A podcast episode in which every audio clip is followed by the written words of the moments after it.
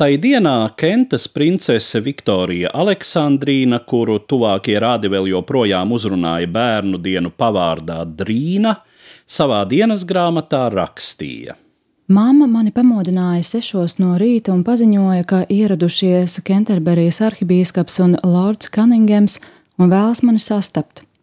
Es izkāpu no gultas un izgāju viesistabā, ģērbusies tikai rīta kleitā, un viena pati, un ieraudzīju viņus – Tad no Lords Kaningams man darīja zināmu, ka mans nabaga tēvocis karalis vairs nav mūsu vidū un ir izdzisis šorīt 12 minūtes pāri diviem, un tā tad tagad es esmu karaliene.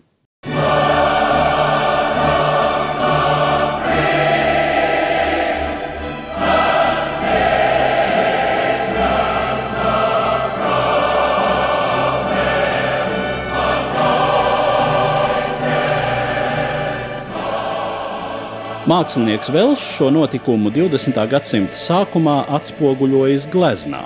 Vasaras rīta saules straume ielauzusies telpā un izgaismo abus cienījamos kungus, anglikāņu baznīcas galvu un lordu kambarkungu, kuri ceremoniāli nometušies uz viena ceļa piemīlīgās troņmantnieces priekšā. Autors nav atturējies tēlot arī kautrīgo sārtumu jaunās dāmas vaigos, kurai tikai pirms nepilna mēneša apritējuši pilni 18. Tagad, 1837. gada 20. jūnijā, Kentas hercoga vienīgā meita kļuva par britu karalieni. Bija sācies Viktorijas laikmets.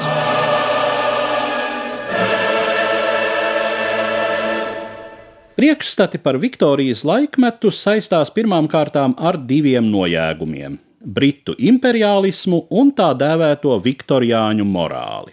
Kas attiecas uz pirmo, Britu impērijas uzplaukumu, tad šis priekšstats ir pilnīgi pamatots. Viktorijas laikā Lielbritānija sasniedza savas varenības zenītu, kļūdama par jūru valdnieci un izveido iespaidīgāko koloniālo impēriju pasaulē. Un runa nav pirmām kārtām par teritoriju, jo līdzās britu īpašumiem, kurus tā laika kartēs tradicionāli krāsoja sārtus, palielus laukumus tur aizņēma arī franču violetais un krievu zaļais un vēl daži citi toņi, Runa ir par kvalitāti. Neviena cita nācija nevar lepoties ar tik efektīvu savu koloniālo īpašumu apsaimniekošanu, gūstot no tiem maksimālo labumu.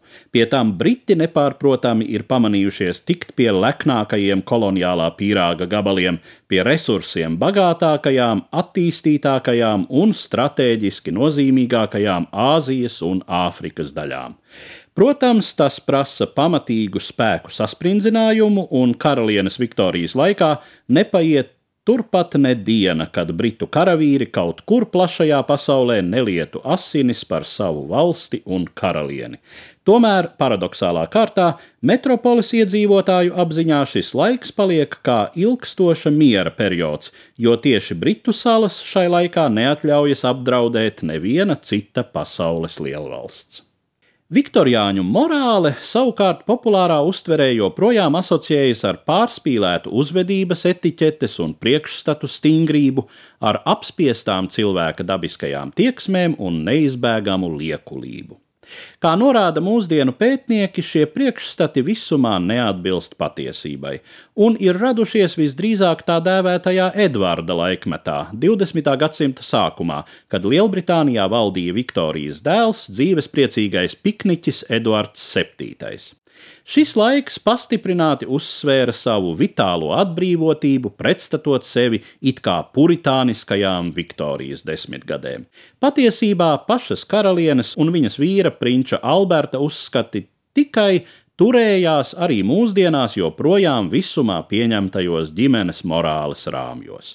Drīzāk jau šis britu karaļpāris, atšķirībā no priekšgājējiem, skaidrāk apzinājās, ka jaunajā laikmetā šīs pasaules vareno privātā dzīve kļūst ar vien pieejamāka sabiedriskajai domai, un tāpēc gan karalim, gan galmam vairāk nākas domāt par morālo stāju.